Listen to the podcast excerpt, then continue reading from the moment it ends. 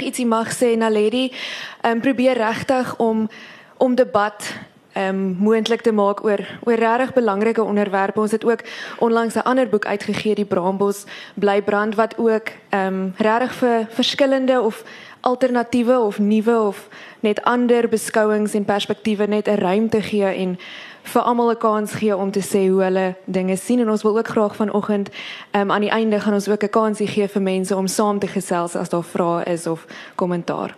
Baie dankie. Baie dankie Anita. Dis um, vir my en Karel baie lekker om saam met julle te kuier vandag en Abel saam met jou en Flip. So die die uitgewer het gedink dat daar twee gesprekleiers nodig is om hierdie twee rebelle in toom te hou. So dis hoekom dit ek en Karel is en soos julle kan sien, hier's ook 'n simboliese beeld.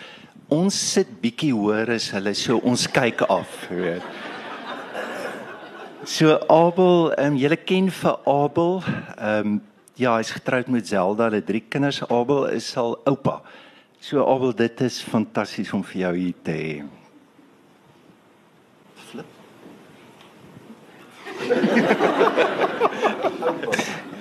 Uh Theo het net in my oor gefluister flip.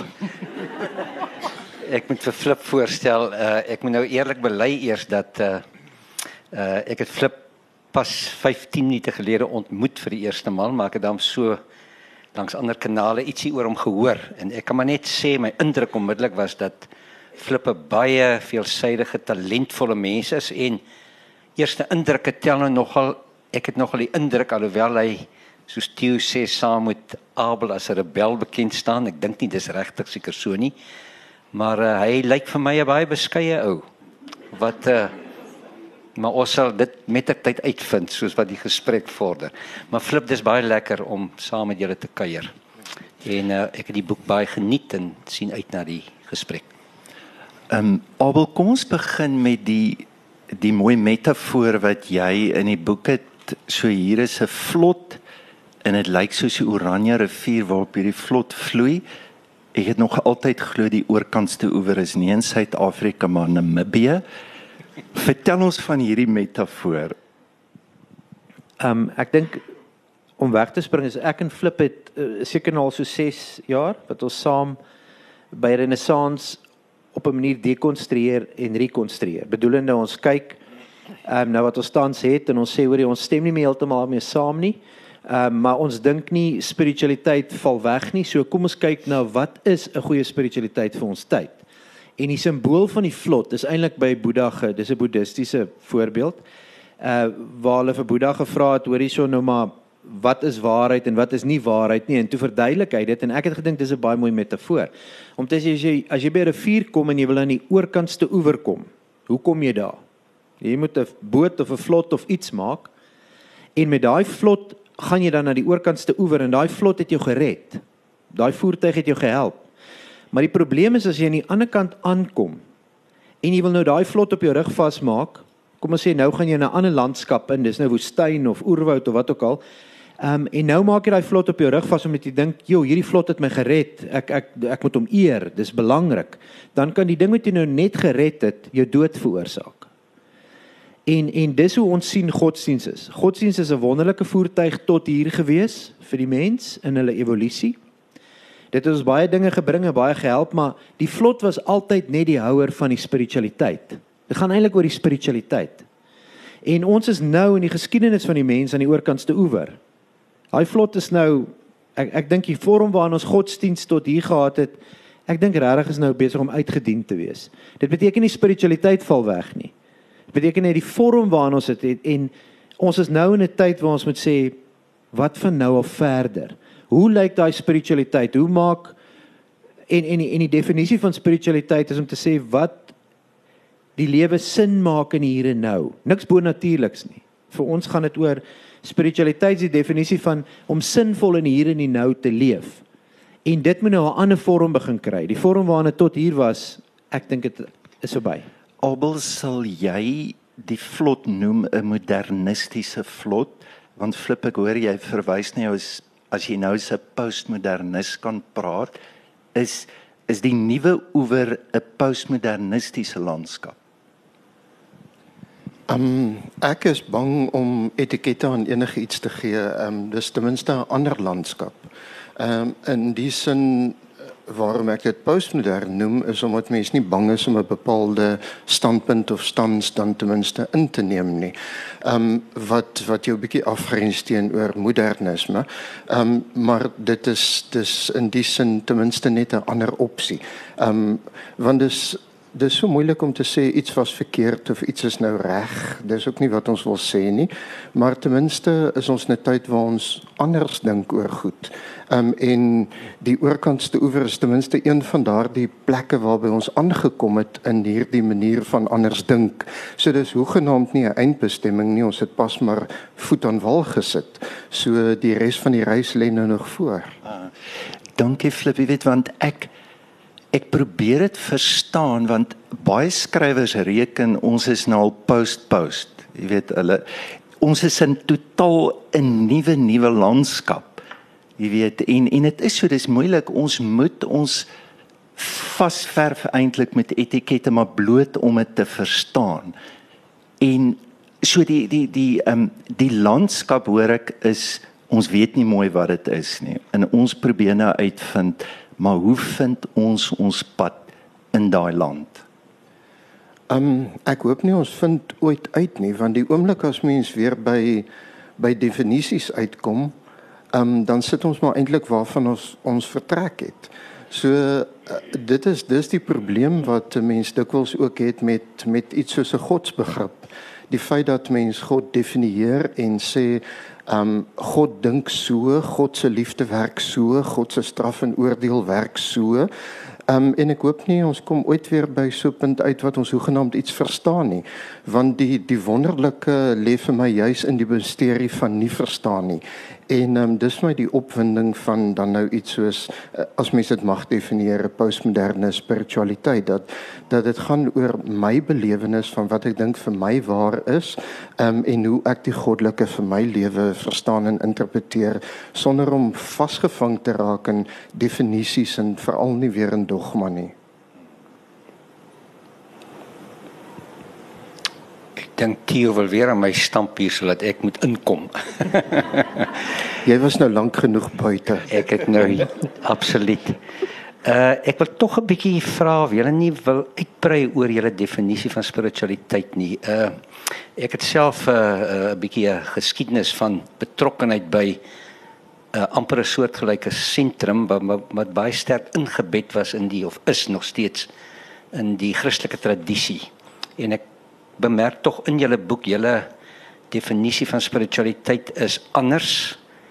'n Mens sou selfs miskien kan sê breër, maar ek sal nogal bly wees as julle ook ter wille van die gehoor 'n bietjie want dit is duidelik julle julle skei dit skerp af van van godsdiens en uh dan definieer julle dit op op 'n op 'n ander manier binne daai postmoderne paradigma en ek sou daarbey wou voeg want want ek dink dis waar ek op die oomblik half leef. Ek is nog steeds bietjie ingebed binne 'n godsdienstige gemeenskap amper 'n institusionele raamwerk waar ek tog die gevoel het dat uh toe ek nou julle goed gelees het uh die soort spiritualiteit wat ons daar beoefen binne daai raamwerk my amper by dieselfde goed uitbring So ek sal graag bietjie wil hoor dat julle 'n bietjie uitbrei net op want daar's nou baie definisies van spiritualiteit, maar wat hoe sien julle dit? Ehm um, is baie interessant want die die groot ding wat ons sê is of wat ons waarneem is dat spiritualiteit nie gekoppel is aan een spesifieke iets nie. 'n Voorbeeld is ek het iemand, jong mense wat by Renaissance kom en sê hulle hoorie, "Ag, jammer, ons was nou 2 weke laas hier gewees." Ons was laasweek by Oranje rivier gaan wat noem mense dit met daai strome afgegaan nie. River rafting gedoen nie. Aanhou sien jy, dan sê ek maar daai is net soveel spiritualiteitsbeoefening as wat jy na Renaissance sou kom op 'n Sondag. En dis die probleem. Mense het nader aan dit afgesonder gesê as jy in 'n kerk is of in 'n kathedraal is of daar sekere simbole, dan is dit spiritualiteitsbeoefening. Nou en maar op ander plekke is dit nie. Vir ons gaan dit daaroor dat spiritualiteitsongebonde. Ehm um, So jy kry boeddhistiese spiritualiteit, jy kry Christelike spiritualiteit, jy kry ateïstiese spiritualiteit, jy kry sekulêre spiritualiteit is om te sê daar waar jy die lewe diep leef, waar die lewe betekenis vir jou kry en sin maak. En ek dink in die boeddhisme waar dit gaan oor die wakker word, is 'n baie mooi simbool. Om te sê daar waar jy wakker word, word die oomblik heilig. So jy kan by 'n rugby wedstryd sit op die paviljoen met 'n ou wat langs jou bier drink en iemand anders langs jou wat gil en skree. En daar is net soveel spiritualiteit as iewers in stilte en meditasie of wat ook al. So die gevaar is dat 'n mens baie keer spiritualiteit kan ehm um, afsonder en rigting gee en sê dis Christelike spiritualiteit en dis dis 'n ander tipe spiritualiteit. Want die oomblik as jy grens gee daaraan dan begin jy oordeel watter een is nou beter en watter een is swakker. So daar waar jy sin maak uit die hier en die nou, waar daar diepte kom of jy by 'n bergstroompie sit en 'n belewenis het van God praat met jou en of jy iewers in 'n rockkonsert sit en beleef ek voel een met almal om my. Dis die vraag. Daar daar lê die daar lê die spiritualiteit. Dit lê nie by die definisie van iewers hierbo nie. Flip, wat sê jy? Ek weet nie. Ehm um, soos gewoonlik. Ja. Nee, ehm um, ek ek hoor vir Abel en ek ek dink ook nogal daar waar mense in verwondering is oor die grootsheid van die lewe en waar jy amper um, in koneksie met jouself is.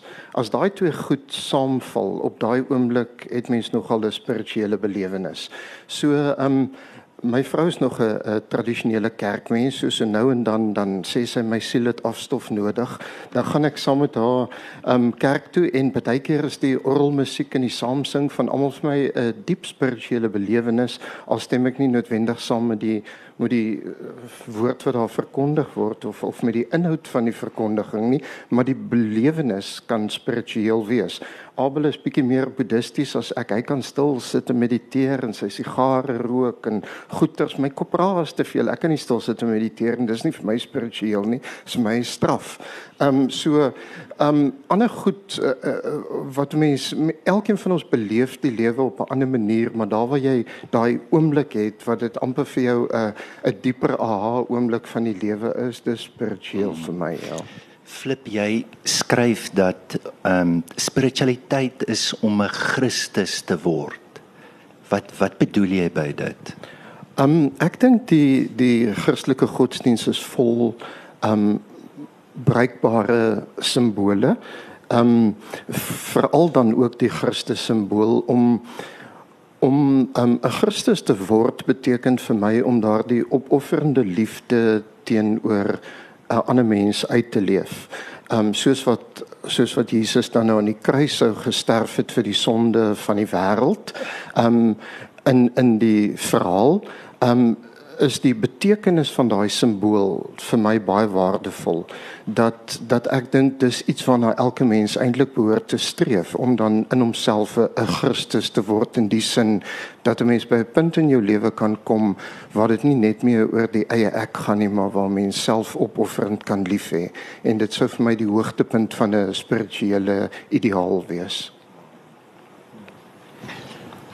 Abel ehm um jy's baie lief vir die woorde dis net 'n reis. Is dit net 'n reis of moet ons nie bietjie stop nie? Want julle eindig die boek met vertrekpunte van julle gemeente en 'n vertrekpunt is tog dis waar jy gestop het. En dan julle nou jy weet goed wat vir jou rigtingwysers gee om in hierdie nuwe landskap waarvoor ons aan die woorde het spiritualiteit of die oomblik soos wat jy dit noem te vind. Ehm um, Jy het nou vir 10 jaar gestop daar. Of dis min of meer waar jy nou is. Het enige iets verander in hierdie 10 jaar wat jy dink, "Jesus, ons ons dink nie meer dit of ons glo nie meer dit nie." Is dit wat jy bedoel by die reis? Kyk, een van die wonderlike goeters om vry te wees, ek sien dit as toe ek uit die kerk geklim het, het ek al vryer geword. Is om te sê die vinger wat na die maan wys is nie die maan nie. Hy wys net.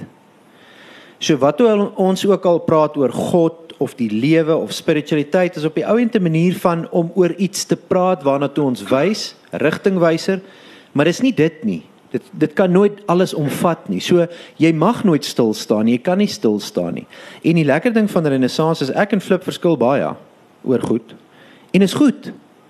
En as niemand wat kom sê maar hoorie maar dit pas nou nie binne die struktuur van hoe ons goed dit maak nie saak nie. Ehm um, die lewe is groei. Die, die lewe gaan nie oor verandering nie, die lewe is verandering. Dis 'n konstante verandering. Of jy nou dink jy het gearriveer of nie. Die oomblik wat jy gedink het jy gearriveer, het jy al klaar weer geskuif. En en dis wat ons net nou het ons gepraat oor stilte en meditasie en hoe belangrik daai dissiplines is.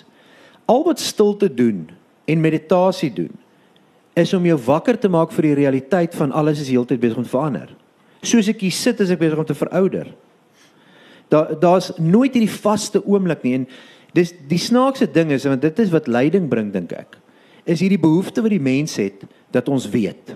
Hier's iets vas. Hier's ons politiek is vas, hier's ons land is vas, ons opinies is vas, ons weet.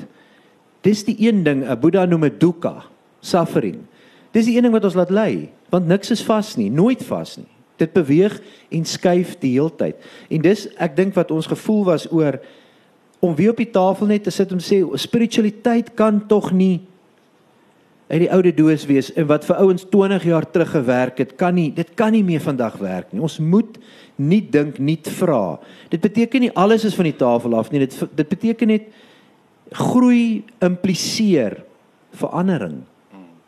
En dis die reis. So jy wil ons nie laat kies tussen godsdiens en spiritualiteit nie. Dit is nie soet van ek alles wat godsdiens is is sleg. Ek hoor daar's goed wat ons kan wat kosbaar is wat ons saam met ons vat.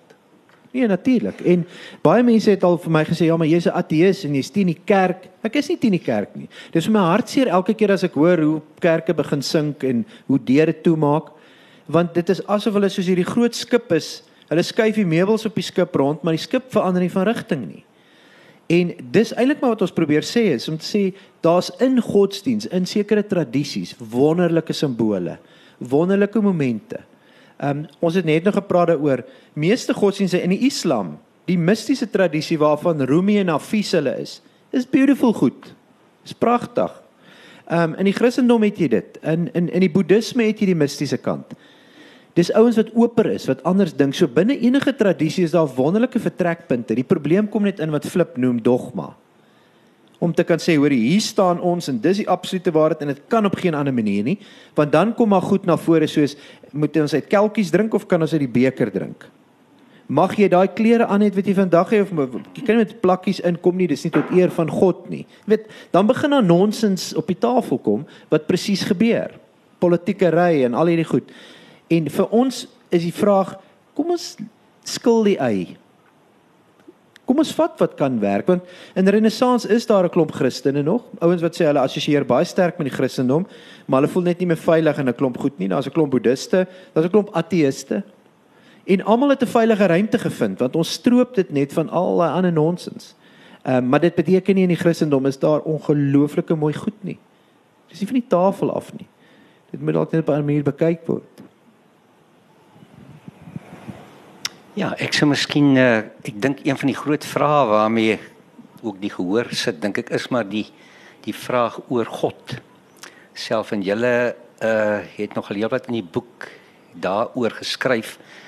En ek dink die een ding wat uh, wat 'n mens miskien bietjie moet op invra is die feit dat uh vir julle die begrip projeksie nog 'n belangrike rol speel. Die eerste deel van die boek gaan nogal oor 'n oor 'n soort paradigma skuif wat samehang daarmee dat jy 'n bietjie uh dekonstrueer aan 'n bepaalde godsbegrip en dan by 'n by 'n ander godsbegrip uitkom. Ek ek het nogal gedink uh oor die hele ding van projeksie. Kyk, dit is 'n ou debat. Julle sal nou weet Feuerbach het eintlik dit miskien die beste geartikuleer later. Uh, 'n vraag wat by my altyd maar vassteek wanneer ek daaroor dink is of soos Pieter Berger gesê het daar nie tog iets in die projektor is wat daai projeksie jy weet gestimuleer het nie. Wat maar daarop neerkom dat die die die die Bybelse spreuke oor God 'n 'n 'n neerslag is van ervarings wat nie net vir die persoon eg was nie maar wat regtig heenwys na 'n na 'n werklikheid. Nou ek dink julle moet 'n bietjie uh, uh, miskien daar ietsie meer sê uh, net om ook vir die gehoor bietjie want hulle gaan die boek graag wil lees. En ek dink dis nog 'n kardinale deel dat julle uh, 'n skuif maak nie net in die in die lees van die Bybel maar in julle verstaan van van God self. Ek sal graag en ek wil dan daar daarbey as Theo my sal toelaat 'n ander vraag voeg. Want julle godsbegrip uh roep op die ou en 'n tweede vraag op wat vir my nogal belangrik is, maar ek wil graag hê julle moet bietjie dit verduidelik. Ja. Ehm um, ek dink die die vertrekpunt en die beginpunt is dat ehm um, ek wil nie regtig 'n uh, 'n godsbegrip hê in die sin dat dit 'n uh, gedefinieerde godsbegrip is nie. Vir my is God juis daardie misterie van wie ons niks weet nie.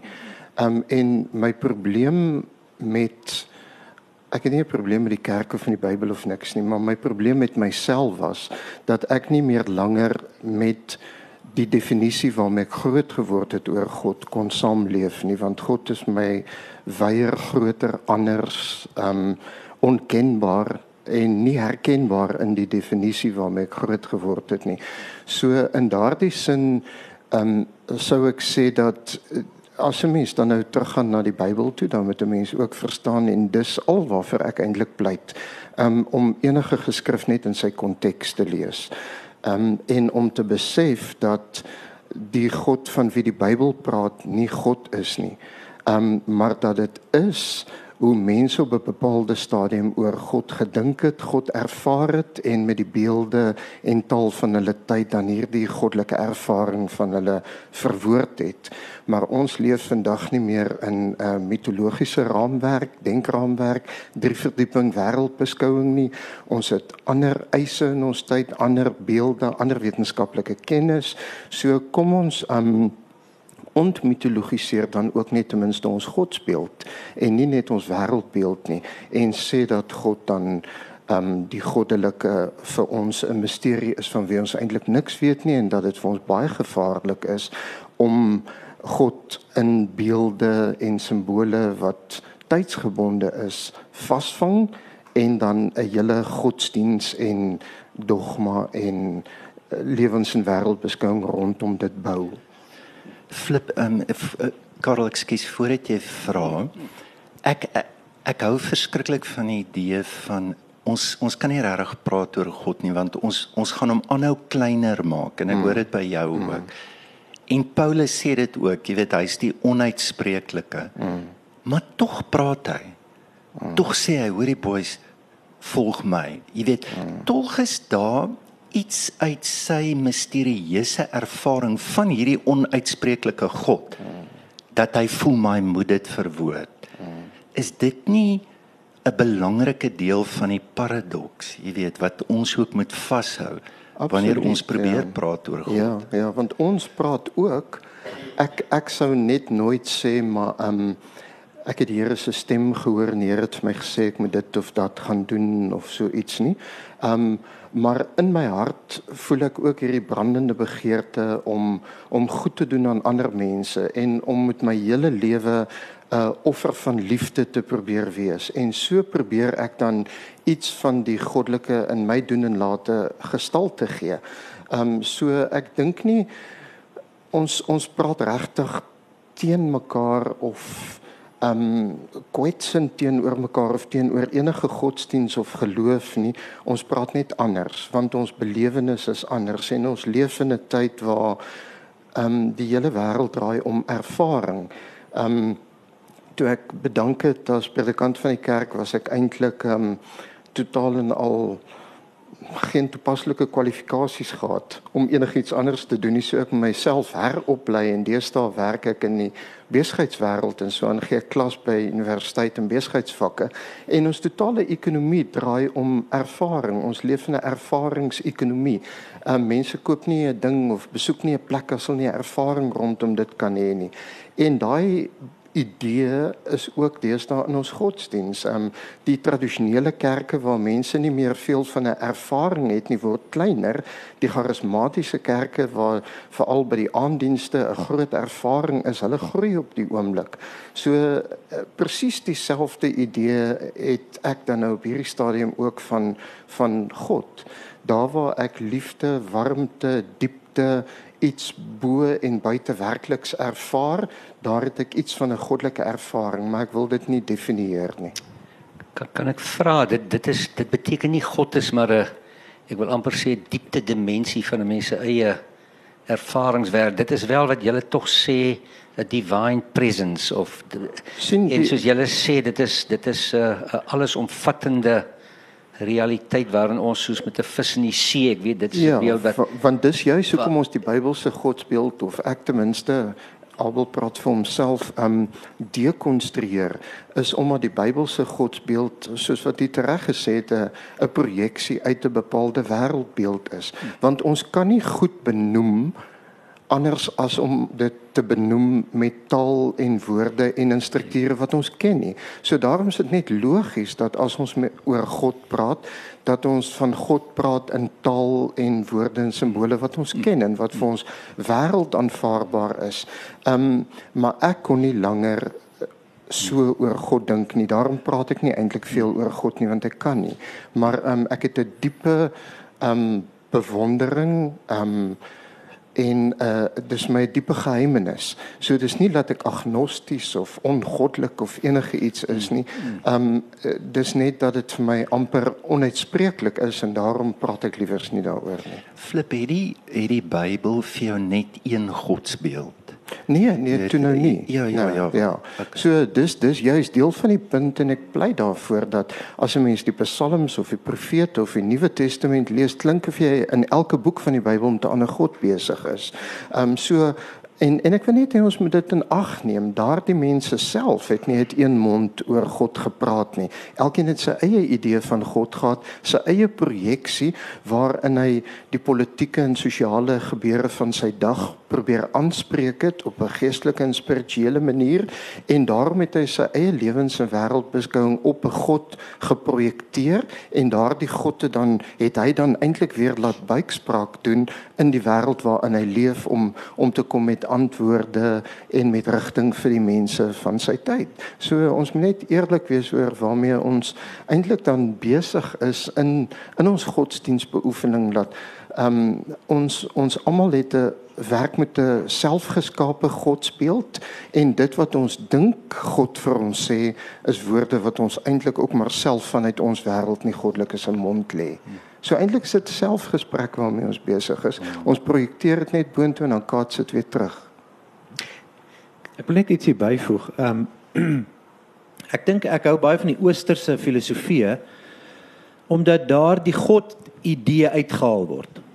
Boeddha op sy doodsbed het hulle vir hom gesê nou hoorie nou ehm um, wat nou? Toe sê hy ek het van die begin vir julle gesê ek's nie 'n god nie, ek gaan nou dood, dis klaar. En dit het natuurlik nie gekeer dat biljoene mense ehm um, boeddhisme ook as 'n godsdienst beoefen nie, maar die hele idee wat Boeddha gesê het is kom ons hou op spekuleer oor God.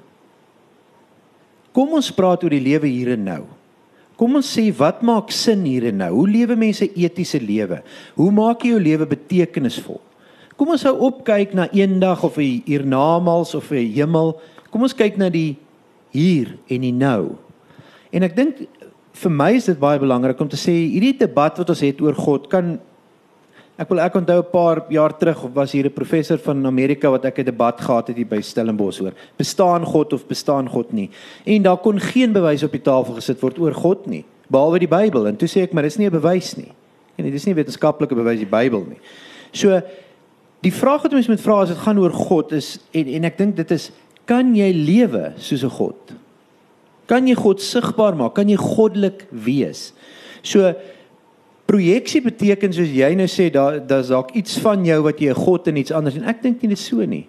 Ek dink ehm um, as 'n mens net stop, byvoorbeeld die arrogansie wat daar is om in borde te sit, Suid-Afrika draai na God. Die arrogansie daarvan is dat die persoon wat dit geskryf het, dink almal verstaan God op presies dieselfde manier. 'n Moslem sal dit anders verstaan as 'n Christen. Ehm um, so die woordjie God is maar op die einde 'n container woordjie. 'n mandjie woordjie om 'n klomp goed in te sit. Wat van ons los dit bietjie eenkant en ons sê hoe maak 'n mens sin in die lewe hier en nou? Kom ons hou aan verantwoordelikheid weggee vir 'n Skepper God. Wat van ons is die skeppers? Van ons eie lewe. Ons moet verantwoordelikheid neem. Ehm um, ja.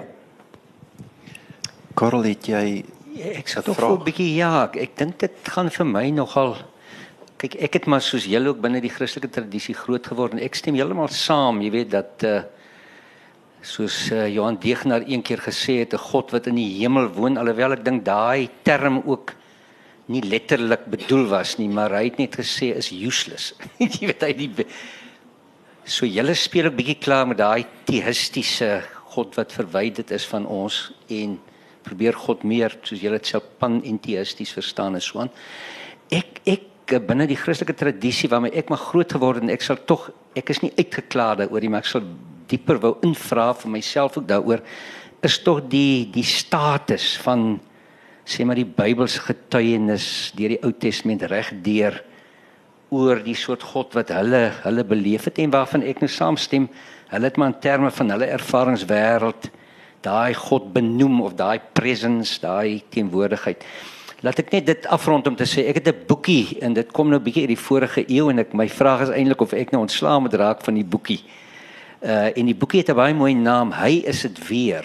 Geskryf deur 'n professor van Pearson wat eintlik 'n filosoof was waarin hy half tog aanvoer dat daar iets unieks is in die manier waarop die Ou Testament reg deur die die goddelike naam gedui het. Hy hy gee toe daar was verskillende name, maar hy sê daar was daar was 'n interessante kontinuïteit. Dit is byna asof elke nuwe fase van die geskiedenis want daai God het hom in die geskiedenis was nie net nie kos en maar in die geskiedenis vir hulle geopenbaar of sigbaar of tasbaar of wat ek al gemaak. En dan sê hy daar was tog 'n kontinuïteit sodat in elke nuwe fase hulle opgekyk het en half die ervaring gehad het hy is dit weer. Jy weet en op die ou end is die kulminasiepunt en ek sê graag dat ons daaroor ook praat is dan die Christus figuur wat op die ou end sê of van wie ten minste in die bewussyn van sy volgelinge daardie gevoel is of die aanspraak is dat God deur hom iets van homself sigbaar maak. So ek ek wou maar net hoor met ek ja. is daar nie iets tog unieks aan daai getuienis wat 'n mens in die in die Bybel kry nie. Ek wil twee goed sê. Ek is 5 jaar ouer as Albert Agabel, so ek vergeet ook nou al bietjie so ek hoop ek hmm. onthou al twee goed wat ek wil sê. Ja. Ehm um, die een is dat ons moet ehm um, ruimte maak vir verskillende um spiritualiteite en dat ons nie die een teen die ander een moet afspeel nie. Ek het die grootste waardering vir mense wat sê maar binne die kerk, binne die Christelike tradisie, hulle spiritualiteit kan uitleef en hulle kan dit 100% doen. Ek wil nie so mens ek het nog nooit in my lewe iemand probeer ooreed van my standpunt nie. Elke ou kan glo en maak en doen soos wat hy wil. So die ou wat in die kerk is vir wie die Bybel die woord van God is wat binne daai ruimte leef dis heeltemal reg so. Dit gee sin aan daai mense lewe want die vraag is eh, ons ons is almal sinsoekers, nê. Nee. So as daai paradigma vir iemand totaal en al sin gee, is dit wonderlik. Um maar daar is ook mense wat op reis is en wat wat nie meer tuis voel in daai paradigma nie. So hulle mag dan ook uitklim en in 'n nuwe paradigma um gaan sin soek. Want op die ou end is dit alles maar net verhale en ons leef in selfgeskape verhale, né? Elke ou besluit wat wat is vir hom belangrik, hoe lyk God vir hom, wat gee vir hom sin in die lewe en dan trek hy vir hom verhaalgrense en dan klim hy in die verhaal in en op die ouend word jou verhaal eintlik jou dogma en word dit die die ding wat jou ook begrens want jy leef binne die grense van jou eie verhaal.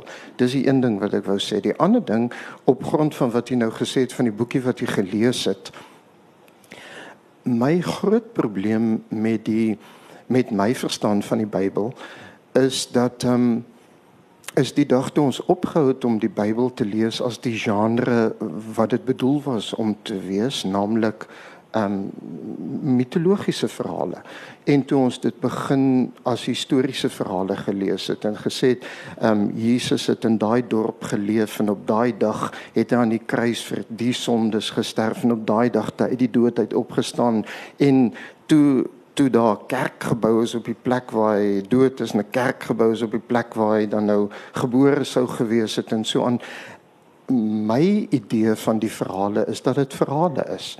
Ehm um, En solank as wat 'n mens die Bybel wil lees as mitologiese verhale, kan ek dit tot vandag toe nog met met groot ervaring en verwondering lees. Um want die die hele Christelike verhaal dan nou die mitologie daar agter en die kulminasie in Christus maak vir my heeltemal sin dat 'n mens um op 'n bepaalde reis deur die lewe gaan dat jy um aan jou eie kruis moet sterf vir jou vir jou eie ego en jou eie swakhede dat jy um uit jou eie doodheid moet opstaan as 'n nuwe mens en dit gebeur voortdurend met my en my eie lewe. Ek staan kort kort uit my eie doodheid op ek kruisig myself kort kort. So die simbole het het vir my geweldige betekenis geweldige spirituele waarde. Maar um ek sou dit nie aan werklike historiese gebeure wou koppel nie. Solank as wat dit mitologies bly of dan nou 'n spirituele verhaal bly, kan ek dit lees en kan dit vir my sin hê vir my lewe, maar ek wil dit nie aan aan historiese tyd koppel nie. Ehm um, Abel, ek verstaan van jou dat hierdie verhale moet jou help dat jy jouself kan kry en ontdek. En dis die groot vraag wat spiritualiteit moet antwoord is maar wie's jy? En dan noem jy dis 'n diep misterieuse persoonlike ervaring. Nou ek ek kan inkoop in dit en ek onthou ek bedoel ons almal was jonk en dan beklei ons teen die kerk en ons haat daai woord accountability. Verstaan weet ek bedoel die kerk het beheer, maar ek is ek is ook bekommerd, jy weet, want dit is so subjektief, nê, nee, om dan nou ontdek wie jy is. En dan haal jy Osho aan. Jy weet ek bedoel hy het ontdek wie is, het 'n behoefte gehad om 42 Rolls-Royce te. Jy weet, is daar nie het ons nie wysheid ook nodig? Jy weet, waar's die ou vaders of die ouderlinge of die paas, jy weet soos wat Paulus sê wat ons ook kan help met ons verskriklike persoonlike misterieuse ervarings. As ons hierso praat, dan praat ons baie klein, nê? Nee? Selfs soos hier is hy weer. Ehm um, die Christendom is regtig nie eintlik die grootste spirituele voertuig in die wêreld nie, nê? Ek bedoel uit elke 10 mense is 7 van hulle Asiërs. So daar's 'n klomp ander goeters, ander ryk tradisies waaruit ons kan leer en waar ons spiritueel kan begrensing vind. Die probleem is dat ons baie keer dit baie inperk en dat ons dat ons nie weier kyk nie. So as jy vra wie is ek? Is die vraag meer as net wie is ek as 'n blanke Afrikaner wat Afrikaans praat in hierdie tyd in Suid-Afrika bly? Die vraag is wie is ek in hierdie spesies wat ons die mens noem op hierdie aardbol wat ons besig is om te vernietig? Ehm um, wat naderhand nie meer vir ons 'n huis gaan wees nie. Die die wie is ek is 'n baie groter vraag, nie 'n baie kleiner vraag nie. So die oomblik wat jy wakker word vir wie is ek, kom jy agter Wow. Ek is deel van iets baie groters. Ons is deel van mekaar. Ehm um, ek het verantwoordelikheid nie net teenoor myself nie, want as jy die wees ek vra soos jy dit vra, is dit baie ego gebonde. Wie is ek? Want baie mense sê ja, maar jy sê jy's God. Ek's God. As jy dit ego verstaan, is dit 'n verkeerde verstaan. Dis juis om te besef ek is Abel Ubuntu omdat jy is kan ek wees. So die wees ek vraag laat jou ontdek dat jy eintlik wow, dis baie groter as kleiner. En dan begin die vraag na wat is sonde of wat is verkeerd of wat is eties? Begin amper selfverantwoordelikheid word. Jy het nie meer nodig dat 'n diaken of 'n ouderling of iemand bo jou vir jou sê jy kan nie dit doen nie. Ehm um, jy begin meer verantwoordelikheid vat. Jy begin meer sê oké, okay, ek verstaan. Daar's 'n self die locus van kontrole skuif van buite jou na binne jou bedoelende niemand hoef vir my meer te sê wat ek moet doen nie. Ek weet dis waar.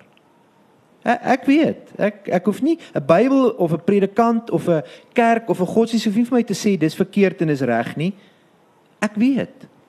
En die oomblik wat jy wakker word, jy jong mense kan kry om te sê, "Hoop luister na al die stemme wat daar is. Wat sê jy?" Wat is en dis vir my spiritualiteit. Dis die wakker word vraag van wie is ek? Want die ek is nie net ek is Abel nie. Ek is God. Ek's groter. Ek is daar's daar's iets meer. Daar's dis ander woorde. Ehm um, en dis ander metafore en en mitologie is vir my die manier om te kyk na hierdie goed om woorde daaraan te gee. Want op die ouend is ek nie God ego god nie, 'n Trump nie of 'n uh, iemand wat heers nie. Nee nee nee. D dit maak my wakker in my menslikheid en dan word ek nederiger en oper. En dan help die stories want die Christen storie help. Maar daar's 'n boeddhistiese storie wat net so mooi help. Daar's 'n Islam storie wat help. Daar's 'n klomp ander stories en dan's daar natuurlik ook filosofie. Want ek sien nie myself meer as 'n teoloog nie, maar as 'n filosoof. En dan die wetenskap storie. Daar daar's soveel ander stories wat ons op die tafel moet sit. Ons ons kyk dit baie keer mis. En uit al daai stories is die vraag: wie is ek? Want elkeen bring nogal 'n unieke ander kyk. Die wetenskap het 'n ander antwoord op wie is ek as wat die Christendom sê wie is ek. Ek hou nie meer van die Christendom se wie is ek nie. Want daai wie is ek is 'n son sondegebore en ontvang en ek het verlossing, daai hele narratief wat jou insit, dis wie jy is. Ek hou nie meer daarvan nie. Dis oukei okay vir die wat dit voorwerk, maar ek hou nie meer van daai storie van wie is ek nie. Daar's vir my 'n ander manier om te kyk na wie is ek. Karel gooi nog een korte en dan ek nog een korte dan gaan ons na die gehoor toe. Uh nee, wie ek uh, ek ek ek bly gefassineer met hierdie Christus figuur en ek het nou ek dink julle sal vertroud wees nou met Marcus Borg se werk. Ek sou nogal wil hoor hoe julle daaroor voel. Ek wil nou nie sê julle boek verduidelik aan die gehoor nie, maar hy uh maak tog veel van die historiese Christus. Uh maar dan sou hy ook verder gaan om te sê dat uh kyk dis dit's iets wat ek nogal vind in julle boek bietjie gerelativeer word is byvoorbeeld die die opstandingsgeloof. Uh julle julle het nogal 'n 'n 'n baie bepaalde siening daarvan en ek het ek het nogal aangetrokke gevoel tot Marcus Borg se siening dat hy wel onderskei tussen 'n 'n Jesus wat voor Paase as Jood geleef het, konkreet, menslik. Miskien nie eers bewus hierdie hele ding. Ek ek stem saam met julle die konstruksie wat later rondom die versoening, jy weet dat hy die betaalmeester was vir ons sondes en die tipe goed.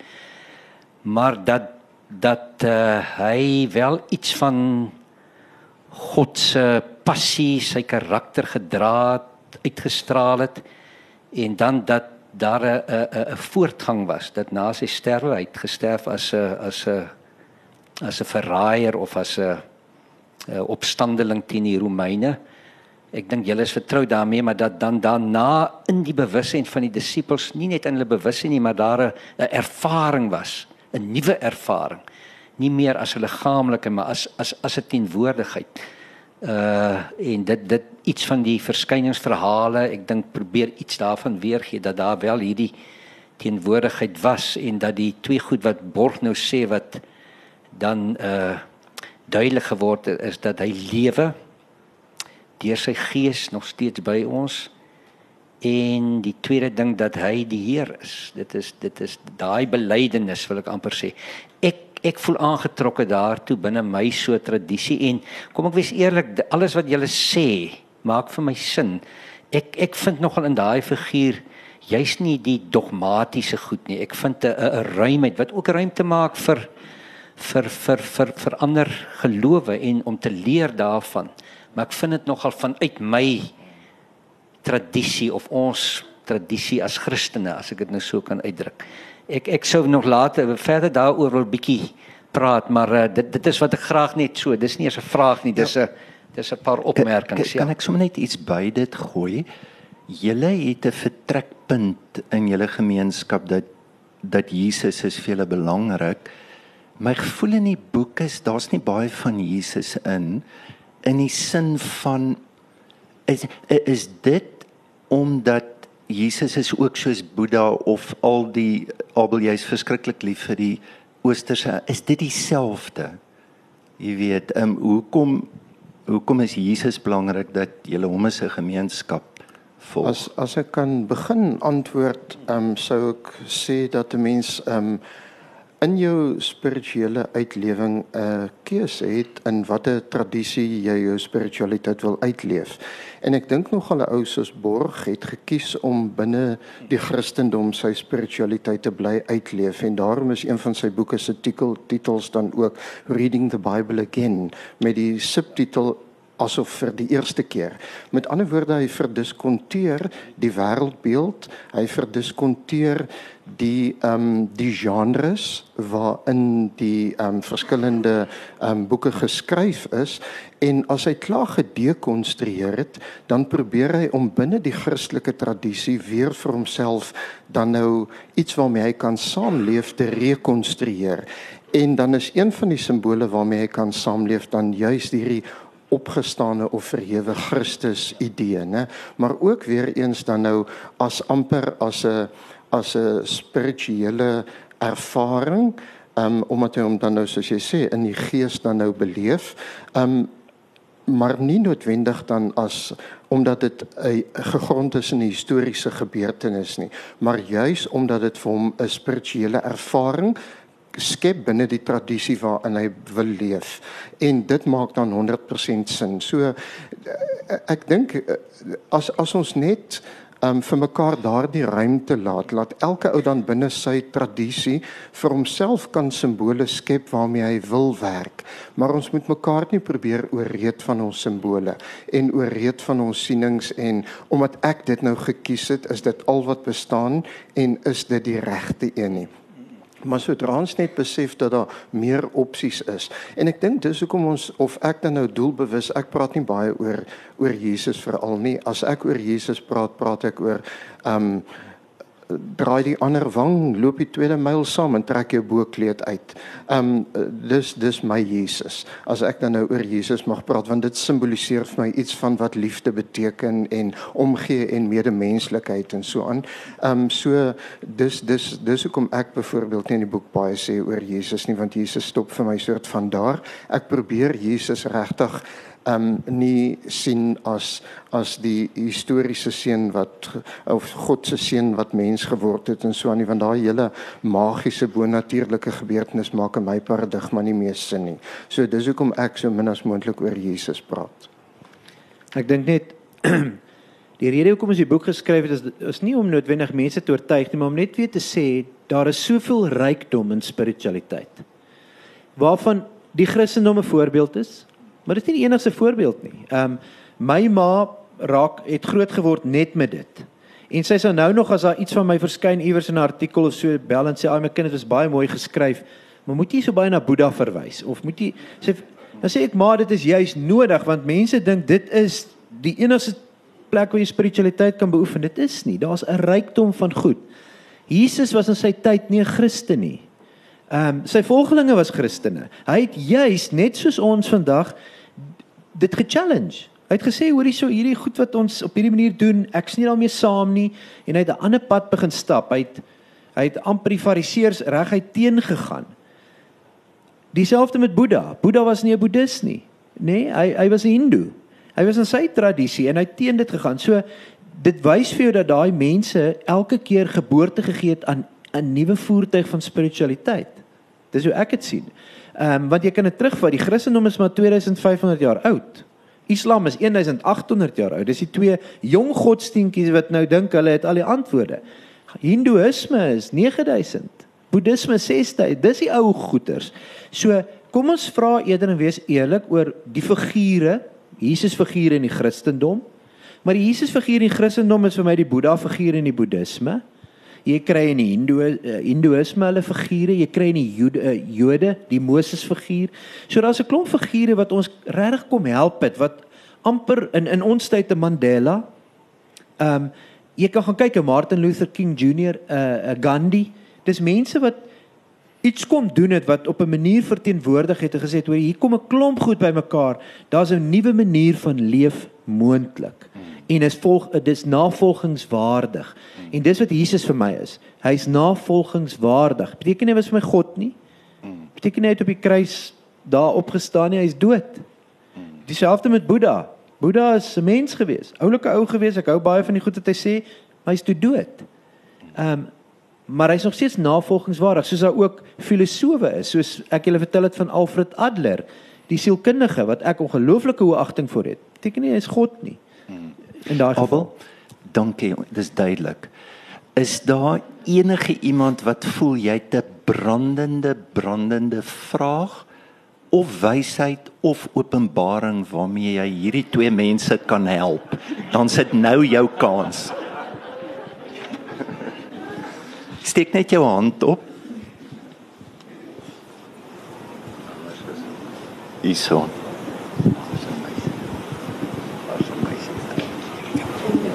Die mikrofoon kom.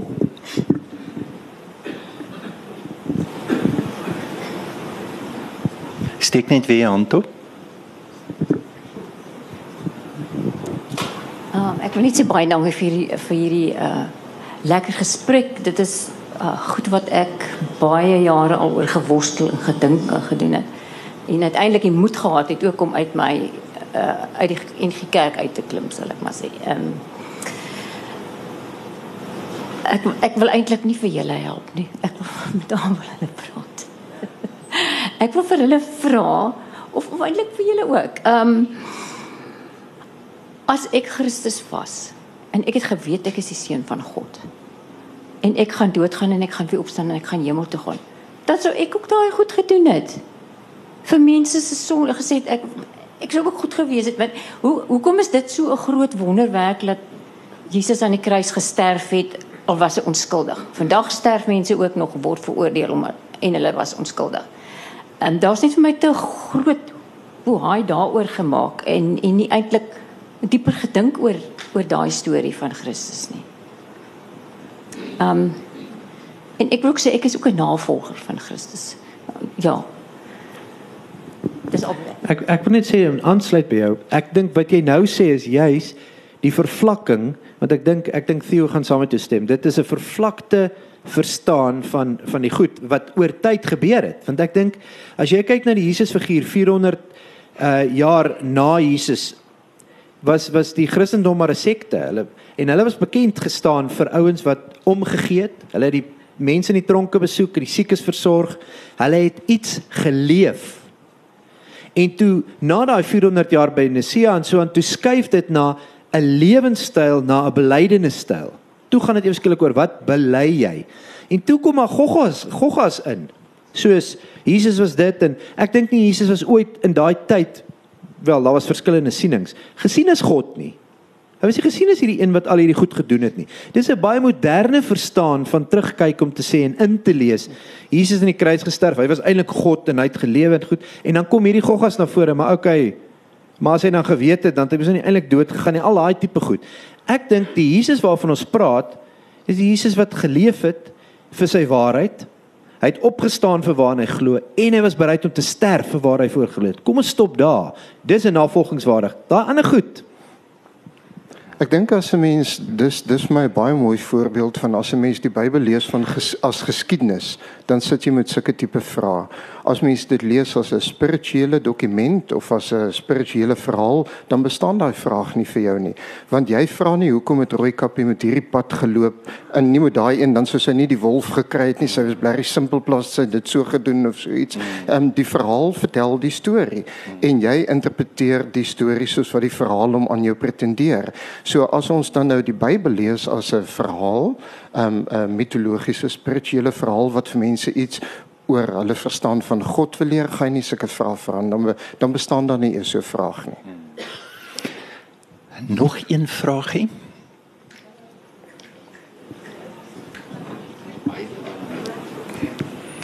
Dankie. Ehm um, ek was onlangs by 'n retreat O, gits. Uh, by 'n retreat in McGregor, maak nie saak waar nie. Ehm um, en die sentrum is vir ook soos julle vir enige geloof. Ehm um, of spiritualiteit of wat ook al. My vraag is, toe ek daar was, het ek onveilig gevoel.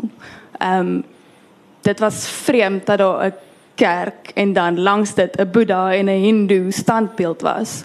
Maar as ek hier sit, voel ek veilig. Ehm um, is dit energie wat om ons rondsweef? Is dit omdat ons nie gewoond is aan blootgestel wees aan hierdie verskillende dinge nie of wat laat mens onveilig voel?